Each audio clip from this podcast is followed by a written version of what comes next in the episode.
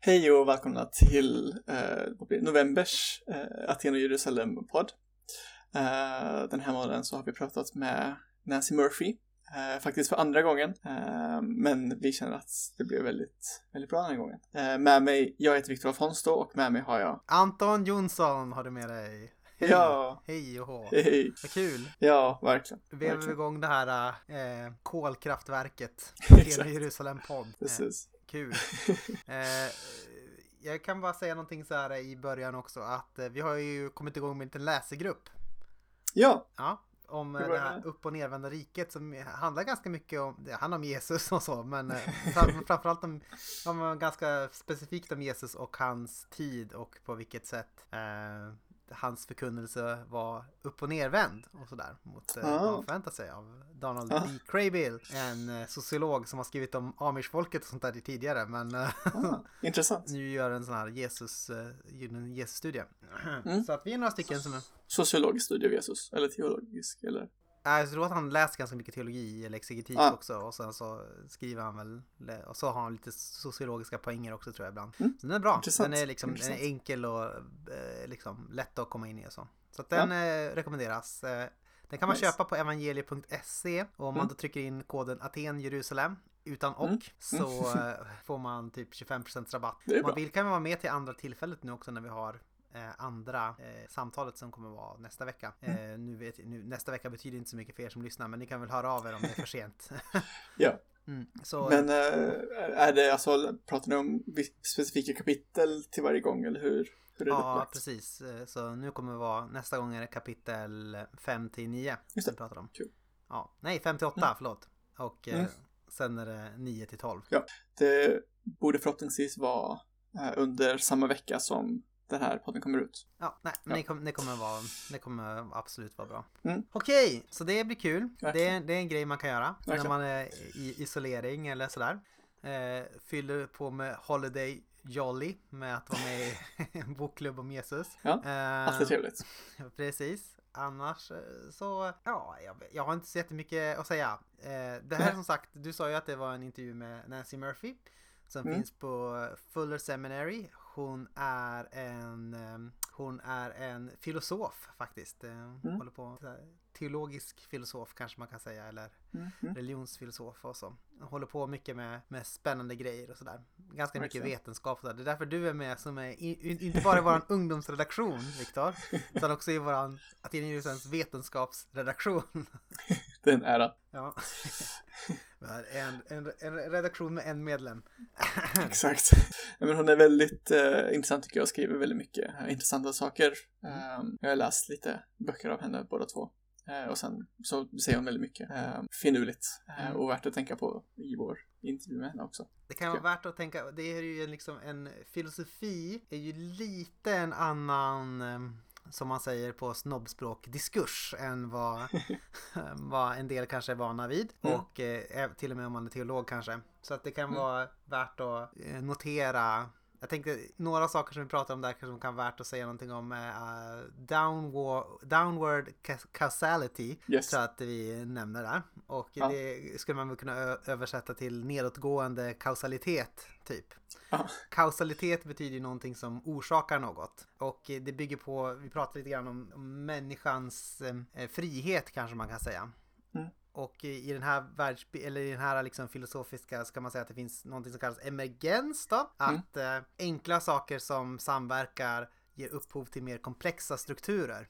Som, Är, själv, Eh, är lite ja. självständiga på ett sätt. Ja. precis, kan man som, säga. som parterna, egenskaper som parterna för sig själva inte har. Precis, så det betyder emerge- emergens. Så det betyder liksom, det innebär till exempel att en, man kan inte bara säga att, eh, att eh, Viktor är helt styrd av sina själviska gener då. Mm. Eh, till exempel. Även om man, du Inte helt. är lite påverkad av dina Ja. själviska gener såklart. Eh, och så sen så downward causality innebär ju då att saker som kommer upp genom emergens då kan man säga Mm. eh, också kan påverka neråt, alltså påverka strukturer eh, neråt Mm. eh, och företeelser neråt. Så att till exempel en sak som, inte vet jag, religion kan också Mm. påverka de små delarna neråt, liksom. Hur, Mm. hur de samarbetar, hur de fungerar och sådär. Och eh, Gud kan man också tänka sig då som en sån. Eh, det pratar vi inte så my- jättemycket om, eller gör vi det?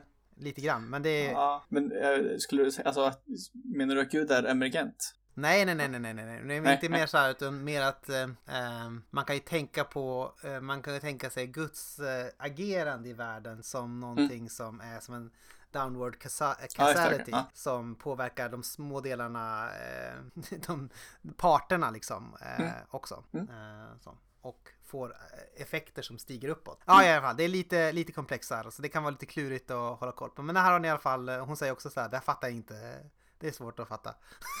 att, ah, okay. det, det, det, här är väl liksom en, en laymans eh, eller en lekmanna introduktion till de begreppen i alla fall. Är det någon mer begrepp som är värt att ta upp, eh, tänker du? Vi pratar en del om eh, postmodernism och så också, men det tycker jag att, att hon förklarar ganska väl i intervjun. Mm. Så det kan vi lämna till henne. Vi pratar också en del om um, dualism. Ja. Eh, och i det här kontextet, kontexten så menar, med dualism så menas man, menar man att själen och kroppen eller, eller mind and body eller vilka ord man nu använder är två separata enheter typ. Precis, uh, till skillnad från en monistisk då som är att. Mm, eh, man är en, en människa är en fysisk sak då kanske man kan säga. Mm.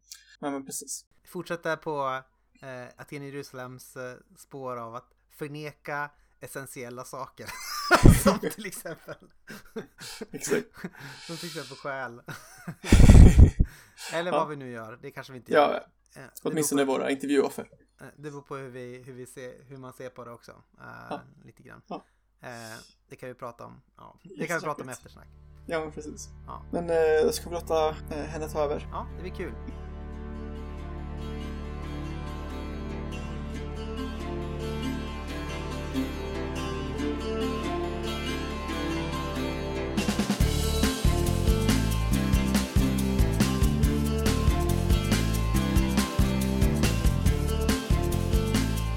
Welcome, everyone. We're sitting here with Nancy Murphy uh, and her beautiful black cat. Uh, how, why don't you introduce us? I'm currently senior professor of Christian philosophy at Fuller Theological Seminary. That's where I've ended up. Where I began was a cattle ranch in western Nebraska, which I call my little bit of the wild, wild west.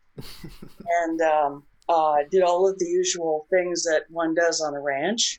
Uh, shovel um, fertilizer, break horses, um, cut yourself on barbed wire, and all that sort of thing. That's where I learned where some horses are right hoofed and others are left hoofed. Because one of the games that uh, I liked to do on horseback was um, barrel racing, and you may slowly run around three barrels. And so that means either two right turns or two left turns. And my horse was left footed, and so she could gain uh, a tiny bit uh, by um, starting off to the left rather than the way most people do to the right. I also should say that we grew up Catholic. We had to drive to town to get to school. I went to the same tiny Catholic school that my father had attended when he was young, and in those days, because of the amount of time it would take to travel, uh, he boarded uh, with an aunt of his in town, but uh, he was one of the first kids in his class to get a car when he was in high school. Because all of the other um, uh, students like to hang out and sit on it, he rigged so that uh, the uh, outside of it was wired to the battery and he could shock them when they sat down. But I went from there to Creighton University, which is a Jesuit school in at the opposite end of the state. And uh, in those days, uh, before Vatican II, Catholics were discouraged from going to church with Protestant friends and so forth. And so in my world, there were Catholics and non Catholics, hmm. and the among them didn't really make a lot of difference. But um, I went directly from Creighton to the University of California, Berkeley, and was uh, immersed in an atheist environment for the first time. And so um, I had started out studying philosophy of science, but realized that I wasn't expert enough at any science, especially not physics, so that I would always have to be using science sort of secondhand, uh, getting my information uh, from books that um, an intelligent uh, non specialist could read. Then, being surrounded by atheists, I realized that the question of the rationality of science wasn't nearly as debatable or existentially interesting as the question of the rationality of Christian belief. Hmm. But I thought, well, if you have to really know science to do good philosophy of science, then you have to know theology to do good philosophy of theology, Christianity, philosophy of religion, whatever. And it just happened that uh, a few blocks away from the University of California, uh, there was a consortium of seminaries called the Graduate Theological Union. And so, right after finishing my first doctorate, I went there for a second doctorate in theology. It's pretty hardcore. Yeah. you didn't have any break in between? No gap years? You know, you've got to turn in a dissertation around January in order to graduate in June or May or what. And so I did have free time between um, finishing the dissertation and then starting the next fall the other program. So maybe about six months in between. Wow. Or another way to look at it is when I got to school, I realized that I was good at going to school and I just at it. That sounds about my experience as well. Uh, did, uh, did you ever think about becoming a rancher yourself? Or? Oh, I did. I did. Um, in fact, when I was growing up, we had a herd of wild mares. That was just the most exciting thing in the world. But there are things that you need to do to cattle, like branding them, vaccinate, mm. so forth. And it's just not financially feasible to have them anesthetized by a veterinarian for that. And so, although my father was as good as anybody could get at uh, dealing with the animals without causing them physical pain, I realized that I, I wouldn't be able to do that myself. Hmm. Also, I had two brothers, uh, two younger brothers, and uh, I was uh, quite certain that one or both of them would want to take over the ranch. And they did. Uh, yes, the younger of the two. And see how what would you answer to the question of why do we even need why why would Wharton theologies? Well, there are problems that arise within the Christian tradition, and I imagine within most religious traditions, that necessarily get you into the uh, academic territory that is now called philosophy. And of course, as you know, before the modern period, there really wasn't a sharp distinction made between philosophy and, and almost everything else. For instance, I'm working with a doctoral student in Iran on the question of uh, reductionism and free will. And um, surprisingly, a lot of the Iranian philosophers are better at English language philosophy than a lot of English language philosophers are. And so she's reading some of the um, toughest writers on uh, who deny free will. And that, of course, raises the question of why we even have a problem of free will. And most philosophers would say something like it's simply a, um, a basic assumption that every event has a cause. And so if every event has a cause, then my thinking, the thoughts that I'm thinking right now while I'm talking to you, have been caused from the origin of the universe. Mm. And um, another way of putting it is that you have event one and then event two, and then there's a law that connects those two necessarily. Well, what does necessarily even mean? And are the laws of nature necessary? And if so, why? Where does that necessity come from? Mm. So you end up getting into these things that philosophers talk about as their main course, but uh, you need to have some sophistication in recognizing alternative possibilities for understanding these ideas in order to um, deal with the question uh, are, are human beings free? If we are not free, then how can we be blamed for uh, sin? Mm. Just one example. Hmm. It's a good example. You do work a lot with uh, science and hard data questions, yet you could also be characterized as uh, postmodern. Postmodern, and and a lot of people tend to think of postmodernism as mushy thinking, a kind of bland relativism. So how does this fit together? Your kind of focus on on science and postmodernity. Well, I believe that there are at least three different uses for the term postmodern. One is to refer to a philosophical movement that arose primarily in France about a generation ago. Typical names would be Jacques Derrida. That is a movement that you really can't understand unless you trace its background all the way back to Immanuel Kant, in, um, who died in 1804. But in the 19 20s, uh, people who hated the sort of philosophy that Kant's follower in time, um, Hegel, they hated the sort of metaphysical system that he created. And they wanted to break away from metaphysical thinking and take their cues primarily from science as a way of knowing. And uh, the, the earliest of those were called the logical positivists uh, later the neo-positivists because they had to sort of weaken some of their positions. Hmm. And then another factor is beginning where we say modern science begins more and more of the disciplines that, uh, say, Aristotle or Thomas Aquinas would cover became objects of scientific study. Uh, so there was a question what is there left for philosophers to do? And so throughout the modern period, in English speaking circles, there have been pretty standard questions. Uh, uh, how do you justify knowledge? What's the nature of truth? And so forth. And my late husband and I, he was a theologian. One of our first uh, overseas trips together was to Sweden and then Norway. Mm.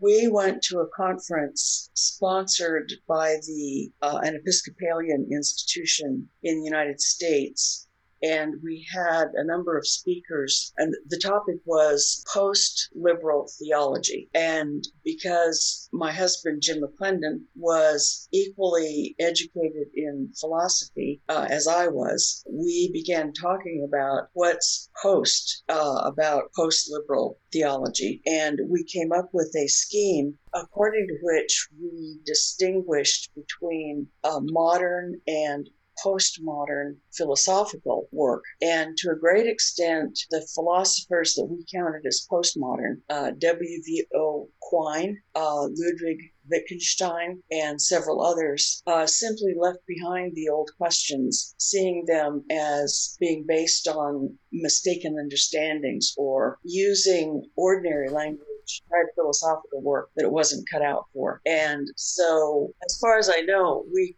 created the term Anglo American postmodern philosophy. Mm. And the three areas that we emphasized were how do you think about knowledge? And instead of the modern view that knowledge is like a building and it's built up on a foundation with certain beliefs at the bottom, and then the rest of the structure going up from there. We took up uh, Quine's uh, metaphor of knowledge as a web or a net. And so all of our beliefs are interconnected by one root or another, just as every little connection in the spider web would be connected. And so the only thing we're ever really able to do is to take a little part of that net where um, certitude about the, or where doubts have been raised about its uh, truth, justification, whatever. And so it's more a patchwork kind of work rather than the carpenter starting with foundation.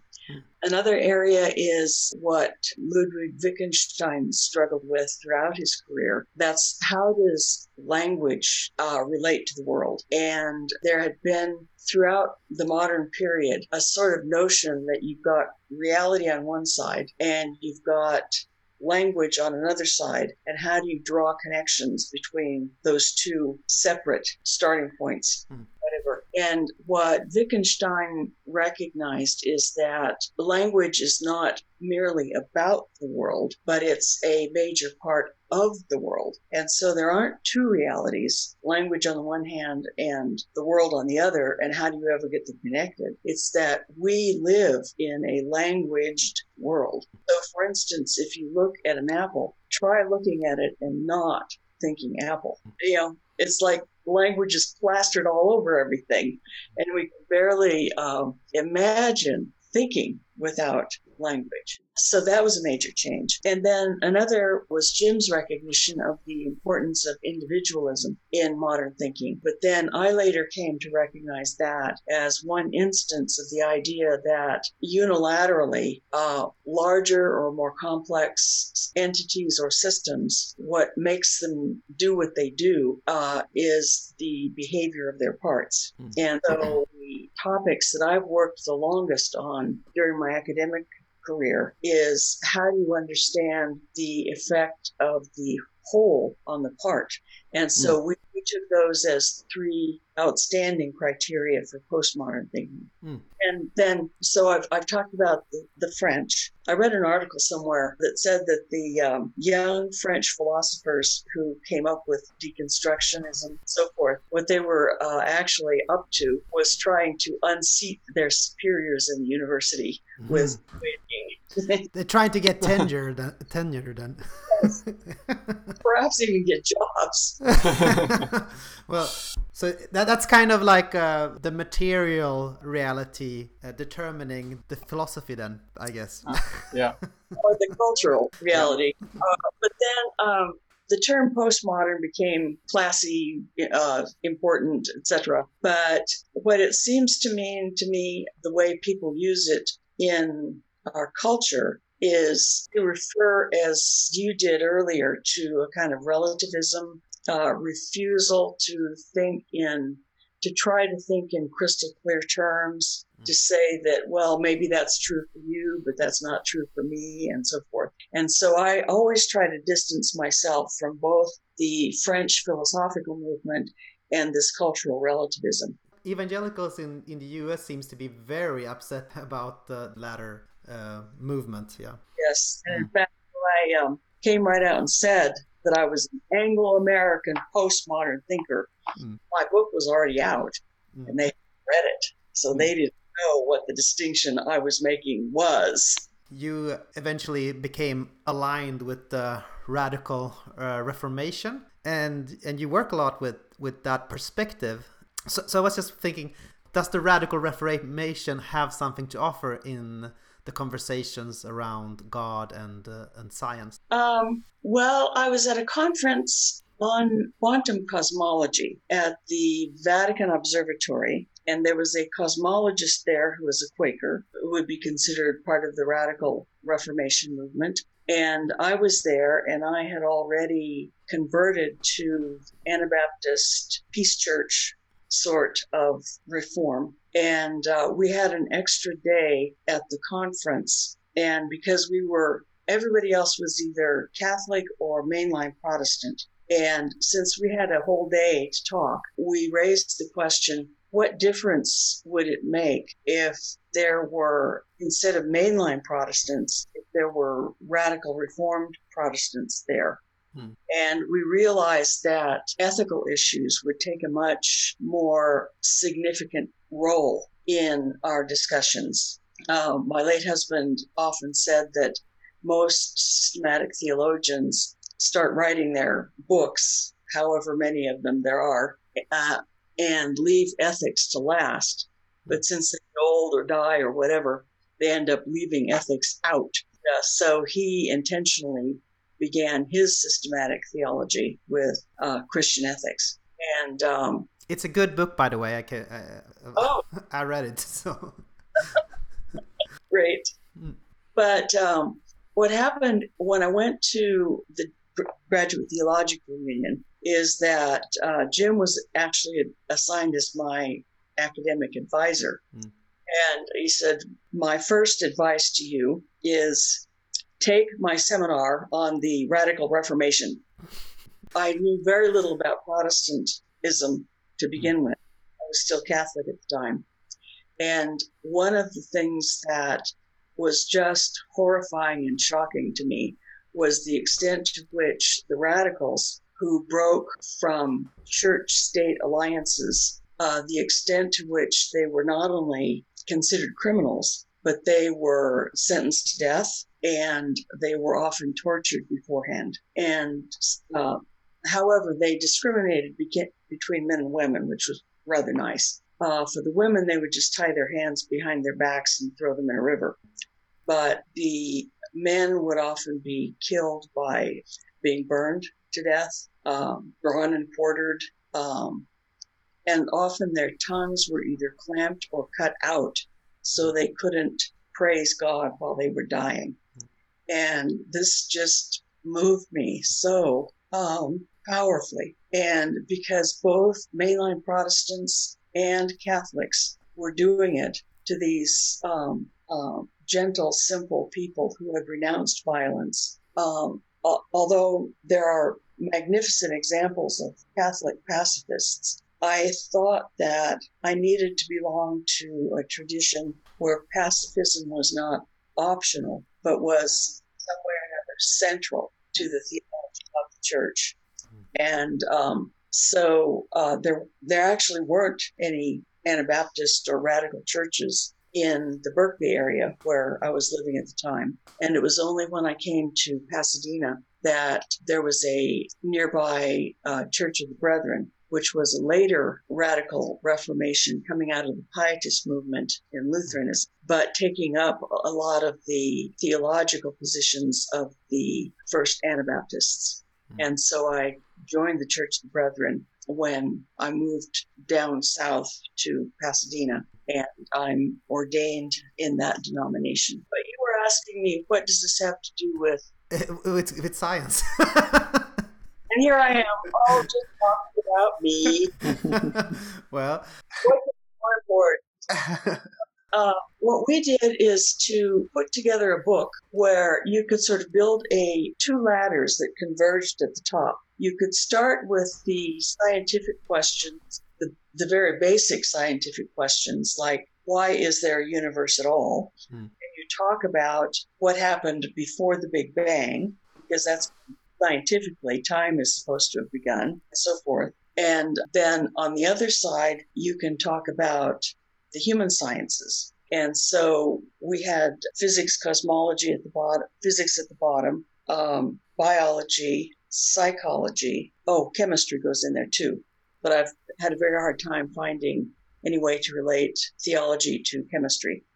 But when, once you get up to the point um, of psychology, then you've got to decide whether psychology is a natural science or a human science. Mm. And we made a, a branching hierarchy from that point up with the more encompassing natural sciences on one side, ending up with questions like, why is there a universe at all? And then on the other side, psychology as a human science, social psychology, and the other social sciences.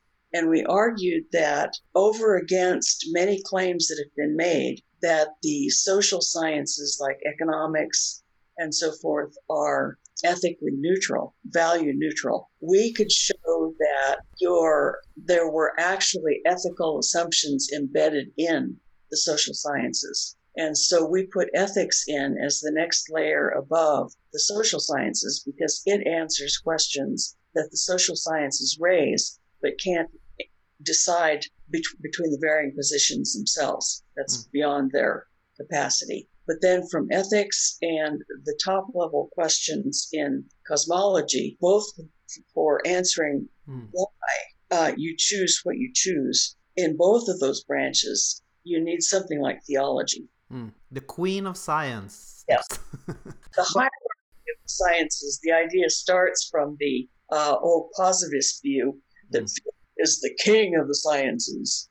And uh, as you go up to the human level and so forth, you get weaker and sloppier and so mm. on. Yeah, yeah, that's uh, that's really true, and and uh, it has kind of bearing on on the idea of the university as well. Uh, MacIntyre, the friend of yours, has has written about this. If there's nothing that unites everything, there's really not a university because it means you know a unified truth or, or, or so. And I go back to thinking about the landscape and the farmland mm. around uh, where I grew up, where you put your grain in a silo, mm. and uh, the silos are not connected. Mm. what and I think what liberal arts colleges and uh, even seminaries now are recognizing is that you can't keep those in uh, all of those disciplines in separate silos. Mm. And the most interesting ways of making progress in human thought is by um, connecting them in one another. Would you say that the mainline tradition more tends to keep separate silos and maybe the radical reformation kind of converge the silos more? Well, I didn't care about the silo silos, I would say. but definitely, I, I've also written about the divergence in the United States Hmm. between the conservative Christians and liberal Christians. Hmm. And liberal Christians tried to define theology in such a way that science was totally irrelevant to it, whereas the conservatives never made that move. And so that put them in a position to, to start worrying about whether evolution and Christian doctrine of creation Hmm. were consistent. And that's where you get the liberal fundamentalist split. And Fuller Seminary, in its foundation, was intended to be a fundamentalist school, but made a transition due to their biblical scholarship, really, to stake out a middle position between the two. It seems to me, if we go back to to determinism that we talked about earlier, it seems like we're kind of caught between uh, two kind of determinisms. The one being biological determinism, famously put by Jordan B. Peterson, "You are a lobster." Uh, never actually heard that one. Oh yeah, yeah. He he he he kind of says that you can you can tell by the lobsters that uh, they they they kind of work in hierarchies and, and Yeah. such, and and because we are kind of like lobsters, then we need we also need hierarchy and so on. Uh, here is a, a, a wasp called the Sphex, and the female is programmed to dig a burrow for her eggs, go in the burrow to check and make sure everything is okay, and then come out and get her eggs and drag them in, or to drag food in or something. But if you take the food away, she goes in to check the burrow, she comes out, finds no food, and she just keeps doing the same pattern over and over and over again. Mm. So that, that's about it. I suppose a lobster and a and a insect have about the same level of intelligence. I would, yeah, that seems reasonable. uh, so you have uh, biological determinism, and then you have uh, social determinism, uh, which is kind of you are nothing but your function within the script of society. Yes. Uh, yeah. So do you think uh, Christianity has some resources to escape uh, these determinism, or to stake out a middle position or so? this is another place where you need a philosopher Mhm. because I don't think theology has much to offer there. However, I've got a very intelligent, delightful friend who taught in the divinity school at Cambridge who's Catholic. And she says that if we had had more of a sacramental emphasis in our thinking from the Catholics, that would give us the living room uh, to be actors between our bodily propensities and our social conditioning. Hmm. But I really had to work it out philosophically. And I was first inspired uh, to do this by um, an author whom I've actually gotten to know. Uh, she was primarily an Aristotelian scholar teaching at a junior college in um, on the East Coast uh, she is the one who introduced me and therefore my neuropsychologist colleague to the developing field of complex dynamical systems thinking.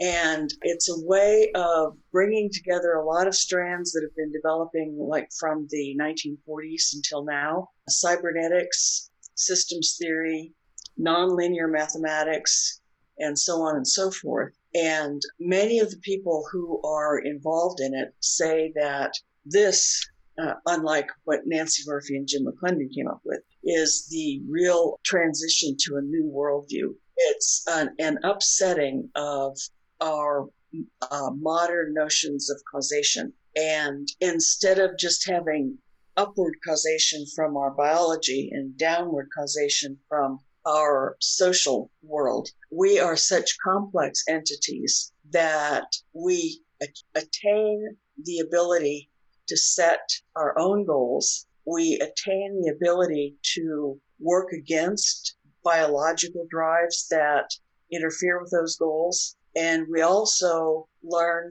to filter environmental influences. And that gives us the space in between the social and the biological to be true agents. Mm. Now, that doesn't entail total freedom like the existentialists talk about, Mm. but we've got a bit of freedom. And uh, what my um, colleague Warren Brown and I argue is that if you take the limited freedom that we have by the time we are adults and use it to find ways to expand our range of freedom, uh, we can do that.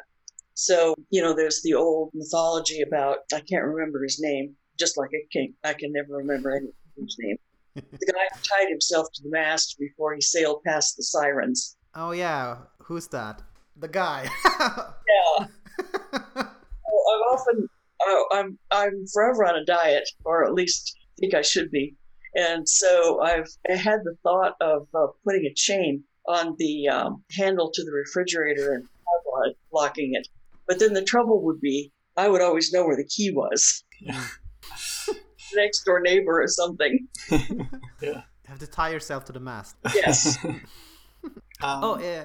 So where were we going with uh, Ulysses? Isn't that his name? this, yeah. it started with an Oh, anyway. Oh, we are so uneducated. Years of graduate school, and I don't know. I, you um, think in terms of bottom up causation, like we're all lobsters, Mm. or top down causation, like Skinner says, it's just a matter of our prior conditioning by the society. What you really need to think of is at least three layers of causation, and it's neither all upward nor all downward, but it's looping up and, and down and around at least uh, three layers of complexity. And it's hard, hard, hard to learn that stuff. I had a student who said, well, I've had many students say this. I read a paragraph in that book you assigned, and I had to read it twice to understand it. And I said, well, I'm surprised you got it in only two readings. it's a really fascinating theory. I think you write about it a bit in your book, uh, Bodies and Souls or Spirited Bodies. And then you, you talk about the title, basically, or, or argue.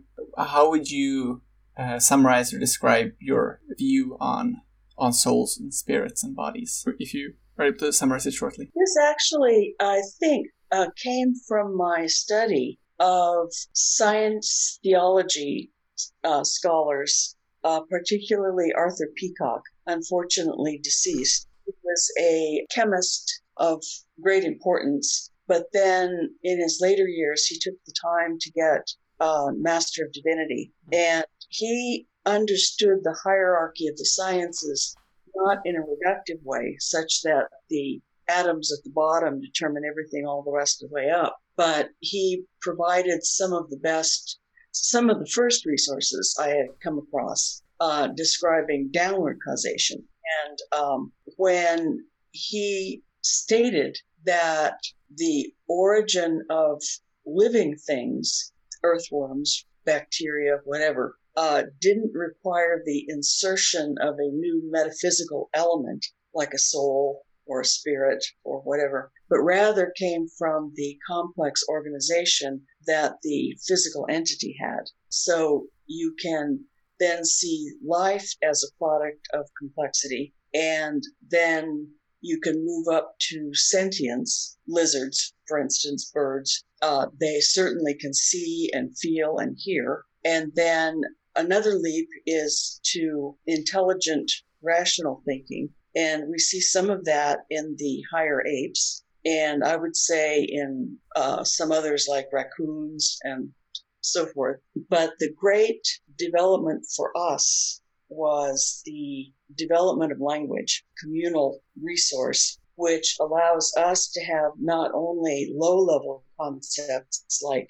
food, but higher level concepts like moral concepts and eventually religious concepts. And um, so that is what um, led me to, to the belief that you don't need to add a soul to sophisticated ape-like creature in order to have a human being. Mm. What you need is the cultural um, capacities and the highly abstract thinking. And so I think a, a felt sense of wonder or awe, uh, which requires a rather finely tuned emotional being combined with the highly complex moral and religious language that we are capable of is what brings us to the point of being spirit, spiritual. Mm-hmm. I titled the book not Spiritual Bodies because that's been used in scripture for a different purpose and refers primarily to uh, the afterlife. And so I used spirited bodies instead in order in order to present the idea that the Holy Spirit is God at work in the world and in humans. And I want to hyphen, hyphenate all of that. Uh, so to be spiritual, uh, to be spirited, is to be capable of being blown by the wind of the spirit. Mm. Of course, pneuma and, and wind have the same etymologies. May, may I profane your idea a little bit? Yes. Like make making a pithy statement. Could you say that the spirit or the soul is language? No, because there are people who are just as competent with language mm. uh, and much, much more competent in certain categories of language, like quantum physics. But that doesn't uh, in itself make them spiritual. It's being capable of feeling the impulses of the Spirit of God and then being able to think rationally about that. So yeah, so I profaned it a little bit too much, but you could say a certain kind of uh, capacity for language. Yes, I would say that the um, emotional feeling that there's something more there than the physical world mm. and our cultural facility with language are necessary preconditions for being Christian or being a um, uh, Muslim or being religious in any uh, sort of advanced way. Like if we humans are like Homo sapiens are spirited bodies, do you think it it is even possible to speak about when historically or, or evolutionarily that this spiritedness emerged? Actually, easier than a great way to stump uh, dualist students. And I usually don't try to stump students you know, I just like to present alternative for them. But if I were forced to answer that question by a very aggressive student who is a dualist, I would say, okay, suppose you're God. At what point in the evolutionary process did God start inserting souls? How can you answer that? Yeah, pretty difficult. There have even been um, disagreements about when individual uh, human beings became ensouled. Mm. And uh, for Thomas Aquinas, for instance, there are three souls that sort of build on one another. There's that which just makes you alive, the um, uh, vegetative soul. There's that which gives you sentience and capability of motion, uh, and, and, a number of other things, emotions. Uh, that's the animal soul and then the rational soul is superimposed on that. And so he didn't believe that embryos or fetuses had rational souls and therefore not human souls until sometime, I think, about four months along in pregnancy. The ensoulment of the fetus. Yeah. Yeah. Oh. You know, so different from just the very common assumption that as soon as you've got an egg and a sperm together, mm-hmm.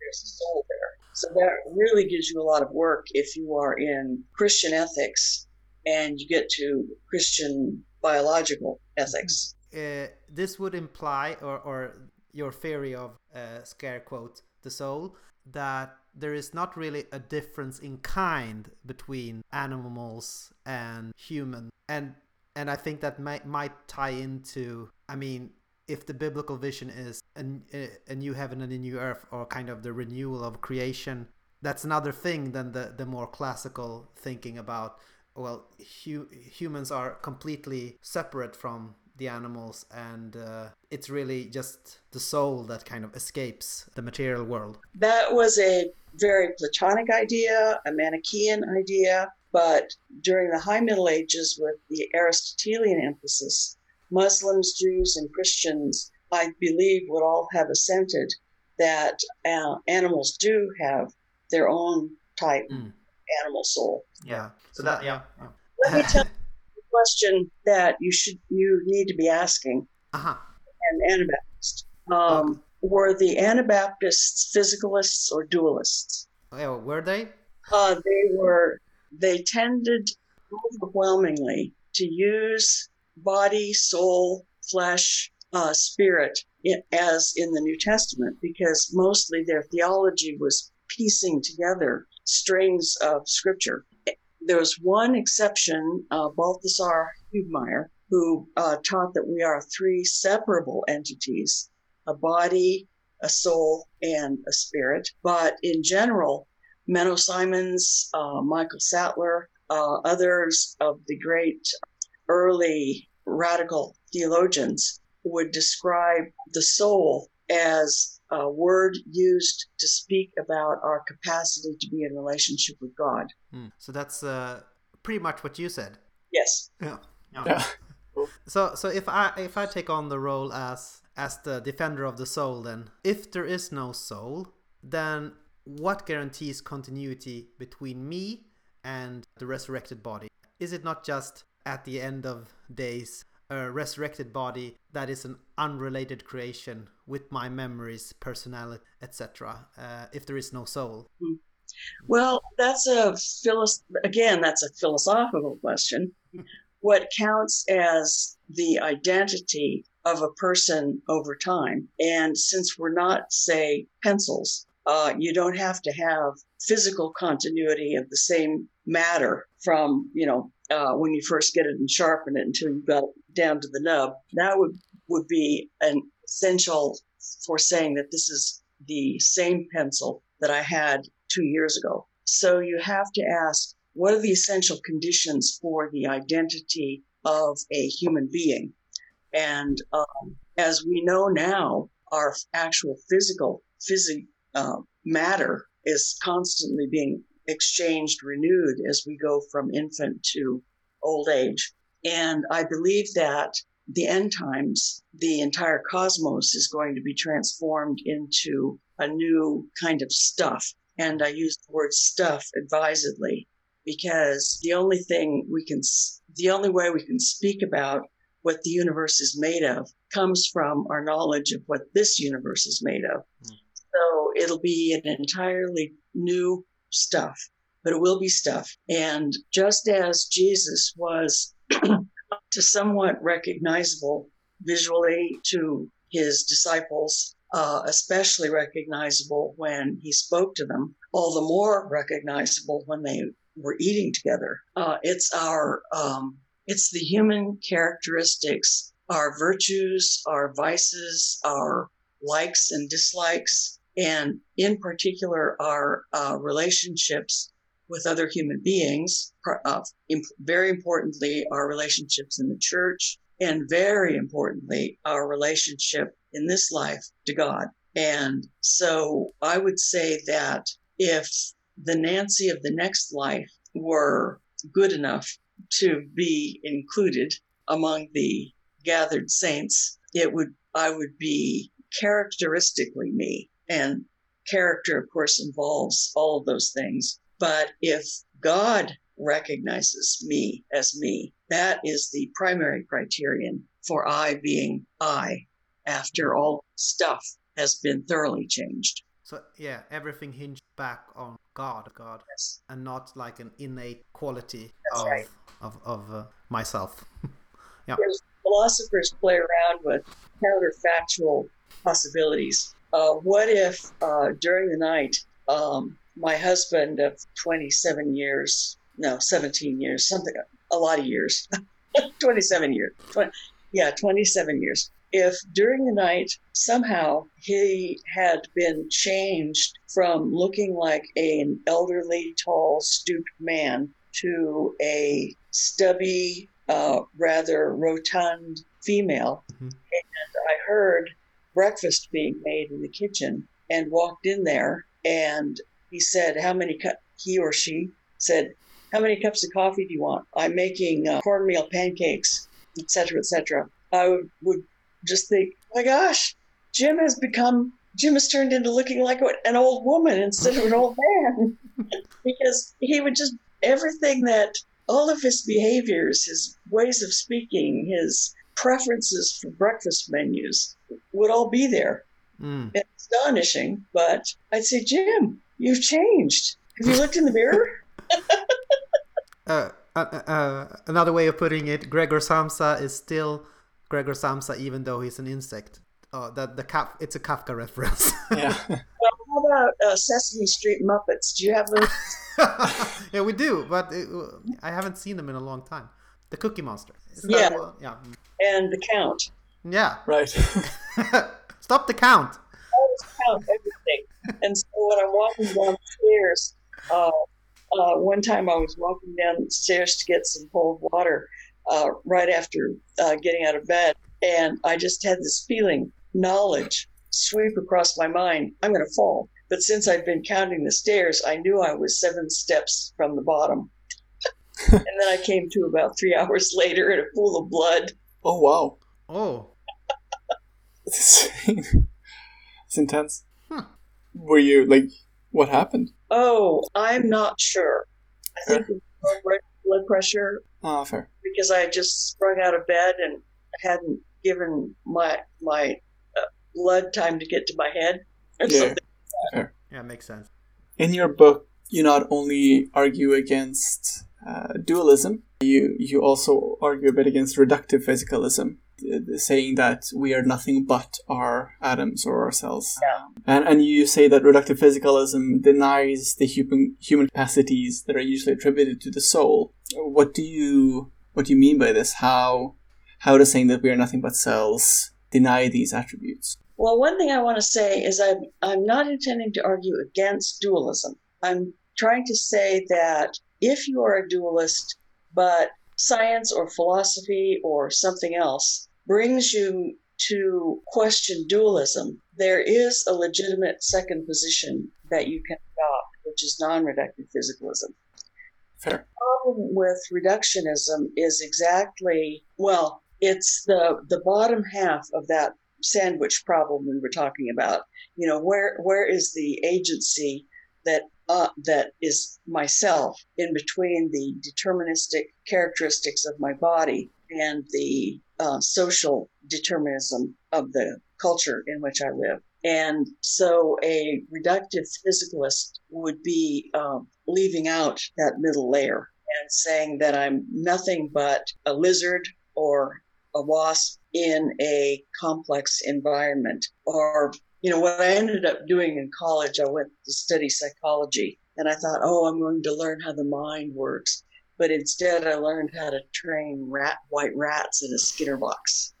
Right. And so we are not white rats in a Skinner box Mm. either. Yeah, yeah, that's a good point.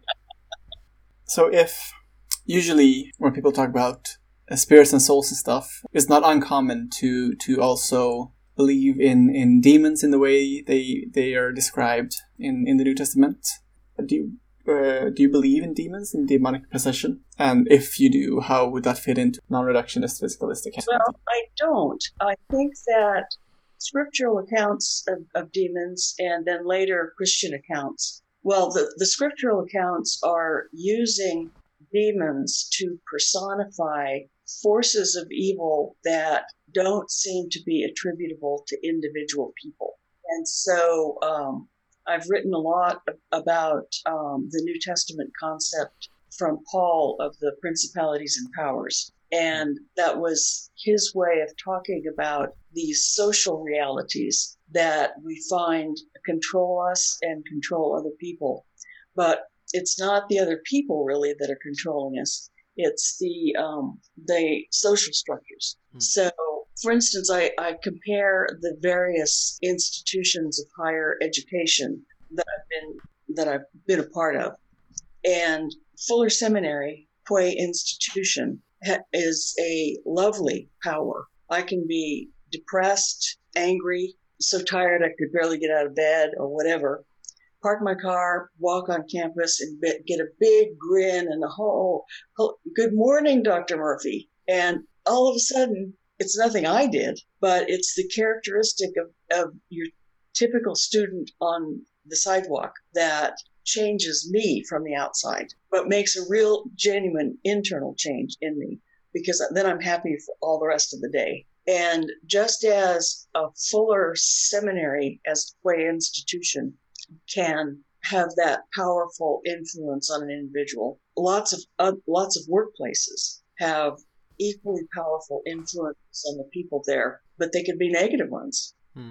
Yeah, that that makes total sense. But I I, I think that's a, a good description of, of principalities and powers. But what do you um, how do you make sense of, for example, the the girl that could um, tell the future in Acts and and similar stories like that?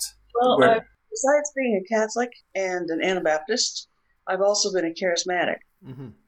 Uh, I do believe that God can act in people's lives in supernatural ways. So, uh, in terms of the good things that happen, you know, I've, I've never done the work of studying up on uh, the history of Christian belief in angels. But uh, I was taught that in the Old Testament, to invoke the presence of an angel was a way of invoking the presence and activity of God, but without personifying God. So these uh, angelic beings stand in for divine action, divine presence. And uh, similarly, you can use, uh, say, a demon possessed uh, person in the New Testament, I believe, as a representation of the entrapment of that individual in evil social systems. Because in that uh, particular story, it is very clear that she is trapped in an evil social structure uh, or of economic exploitation. Uh, mm-hmm. But which is she, it still seems like she has like supernatural powers, for lack of better word, that don't seem to be from God or, or, or, or good, or maybe maybe the powers are, but the way they're used because of the system is evil then. But uh, if, if we take the in the story of Moses, uh, the two people who uh, the Egyptians used to do the same miracles or, or what to call them, like turning water into blood, they seem to have powers that don't seem to be from God, supernatural powers that don't seem to be from God. Even though I, I'm thought of as being so high on contemporary science, uh, I believe that science is in the midst of progression and that we are later going to look back on our own interpretation of what a person with a brain and a culture like ours can do as having been terribly naive. Mm-hmm. And uh, so um, I don't believe that we've got a complete account of uh, human nature, human powers, capacities, etc. And I've had so many experiences of what could be counted as foreknowledge myself that I have no way of explaining it. Why did I think of somebody and decide to write her a letter after I'd been ignoring her for the last three years? And then it turns out that I get an email from her that very day. How do you explain that? Um, uh, so much. Yeah, yeah, fair. So, so however, yeah, the closest I come to believing in demonic possession, uh, one of my students one time asked me if I thought computers could be possessed by demons. And I said, well, uh, I should say no, but my own experience makes me think wonder the same thing. but uh, my uh, favorite theologian in theology and science, um, Arthur Peacocke, he called himself a Christian naturalist, meaning that there is the natural world, which includes us, and there is God. And that's really all you need to have in terms of metaphysical categories.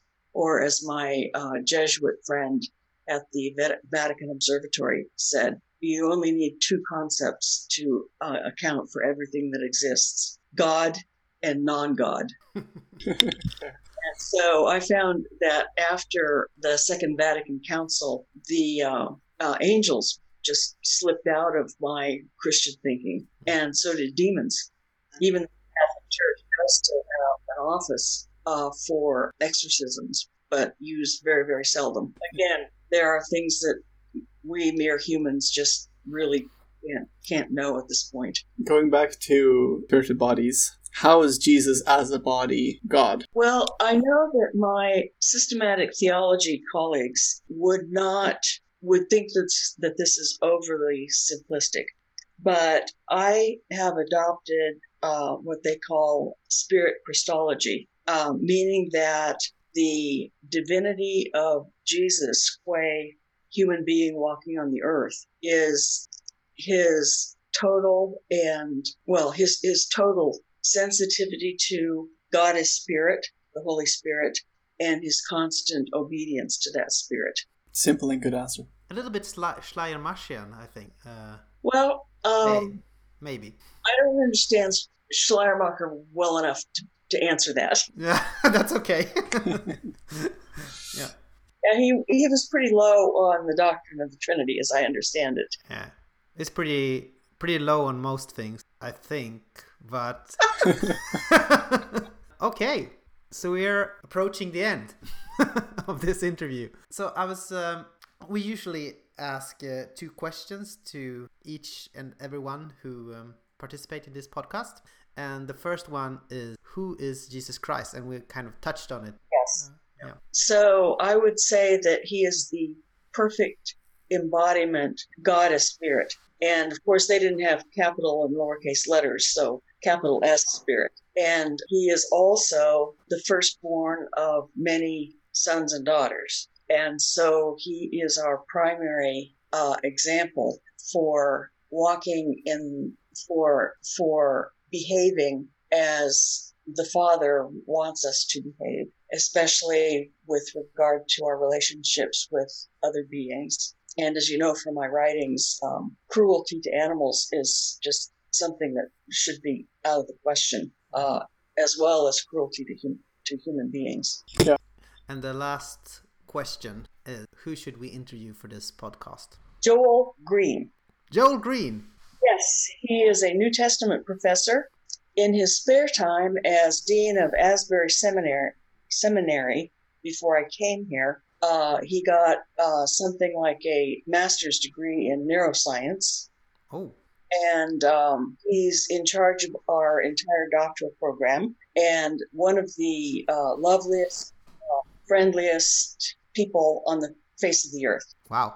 Joel Green. What a person. It's it's a little bit unfair that gifted people seems to in such a high degree be gifted in everything. well, you know, I expected when I went to the philosophy department at UC Berkeley. I thought if these are brilliant philosophers, they're going to be really nice people. Mm-mm. Oh. Not necessarily.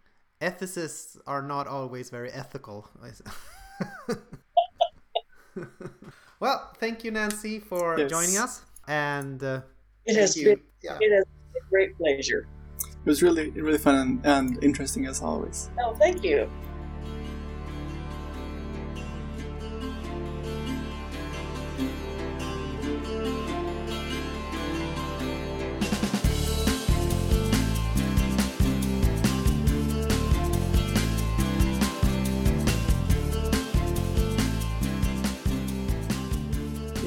Välkomna tillbaks. Hoppas ni uh, uppskattade eh, intervjun. Då är ju en relevant fråga, vad tycker du om själar och så vidare, Anton? vad jag tycker om själar och så vidare. Ja, men, bra fråga tycker jag. Jag eh, har nog eh, sen tonåren funderat en del på själar och sådär. Om huruvida de... Jag kan säga att man först, först hade jag väl en sån här klassisk själ, ja men det, själen är ju liksom det viktiga i en kropp och som sen sticker iväg och lämnar skalet. Det, var, det är väl en vanlig som man har kanske när man är ung, ung, ungdom och så. Och så sen så tror jag att jag mer hamnade i den här, äh, ja men själen som en, äh, som kroppens uppståndelse som viktig och själen som en aspekt av kropp, av äh, liksom människan som helhet liksom. Och sen så kanske jag vet, var lite osäker. Så nu kanske jag är lite mer igen på den här själ, själen som en aspekt av, av människan. Liksom. Alltså inte som en separat liten egen substans som sövar omkring efter att man dör. Liksom. Utan som den helige Efraim Syrien eh, säger att eh, beskriver ju själen kropp, kroppen som själens harpa tror jag.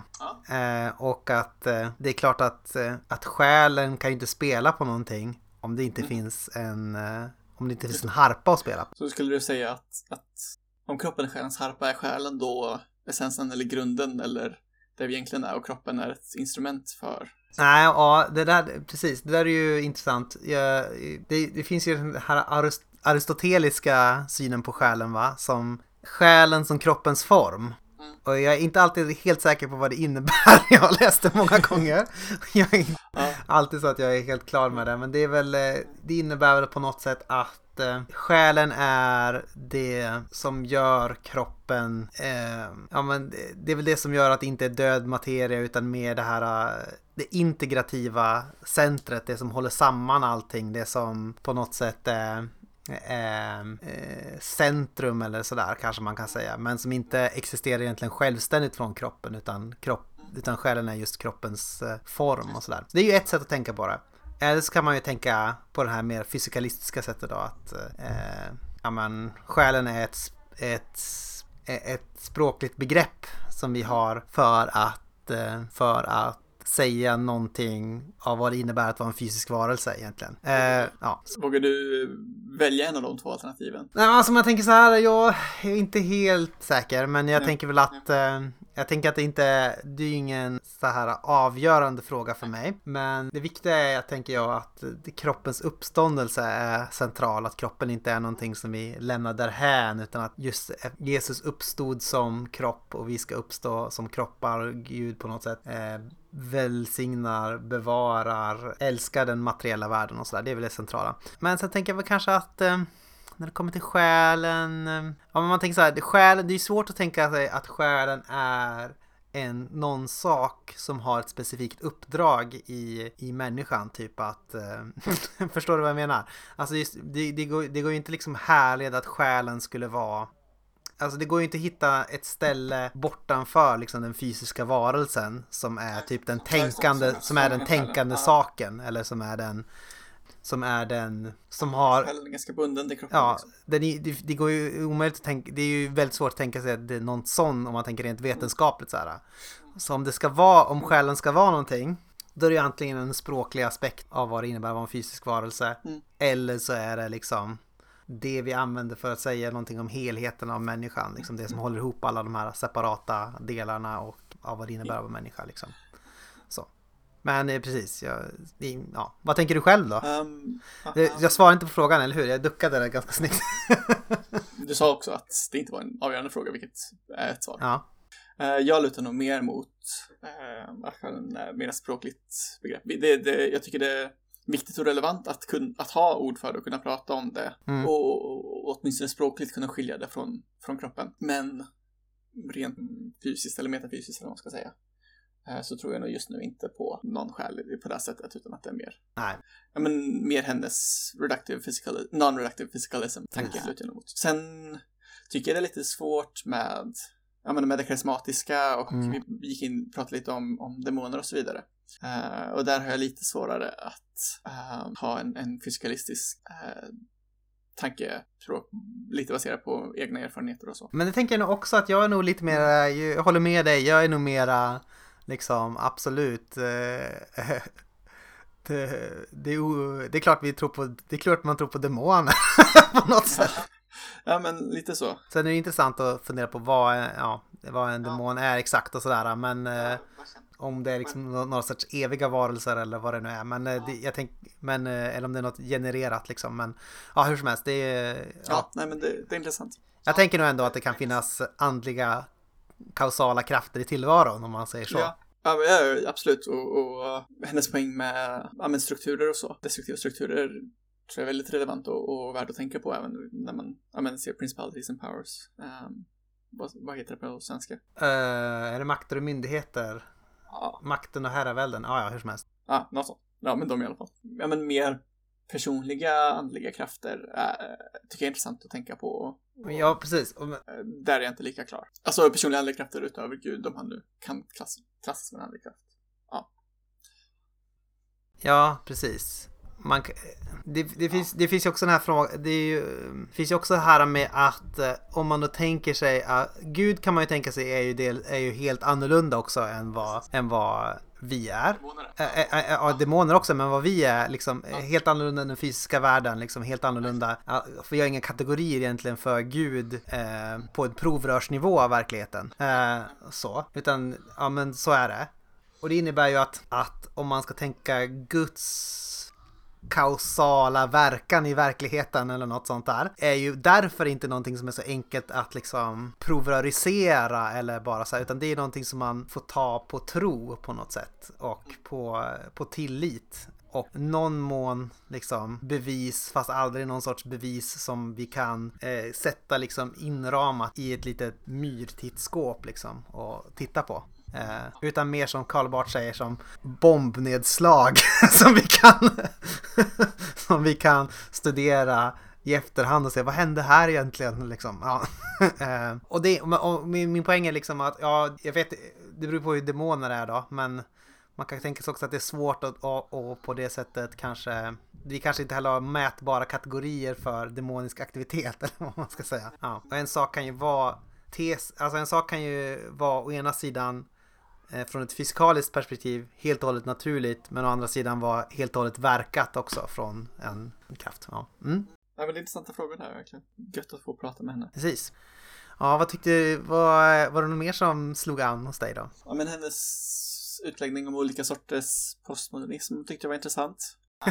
jag är inte, ändå inte riktigt lika, hon är väl lite mer analytisk filosof, jag är inte riktigt lika, ja. jag kan nog ändå tycka att det är lite soft med, med fransmän som ska hålla på och dekonstruera saker ibland. Ja, ja, ja, men ja, jag håller med. Hon delar ju, hon sär på olika postmodernismer, hon är inte den franska postmodernismen så säger hon själv. Mm, precis, får vi respektera. Ja, ja men precis. Hon är mer den Wittgensteinianska post... Mm.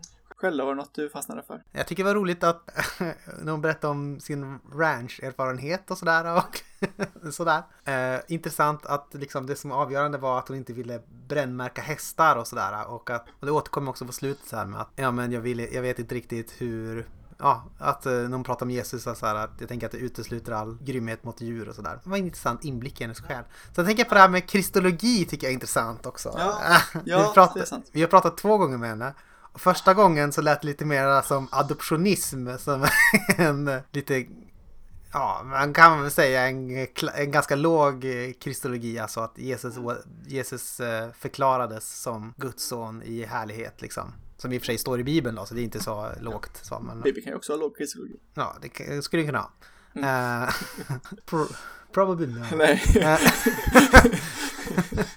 Eh, och, uh, uh, ja men precis, men jag tänker att det här Spirit Christology på något sätt, mm. att det, anden är helt och hållet närvarande i Kristus och Jesus totala liksom upplåtenhet för det. Mm. Liksom som är att han är Guds son. Så. Mm, precis. Tänker att det är, jag vet inte riktigt, ja, det är, jag vet inte riktigt om jag, om jag skulle, jag skulle nog inte klassificera mig så tror jag. Nej. Men, Nej. Eh, ja, det, jag tänker att det låter lite för inte inkarnatoriskt på något sätt. Men jag kan ha fel också.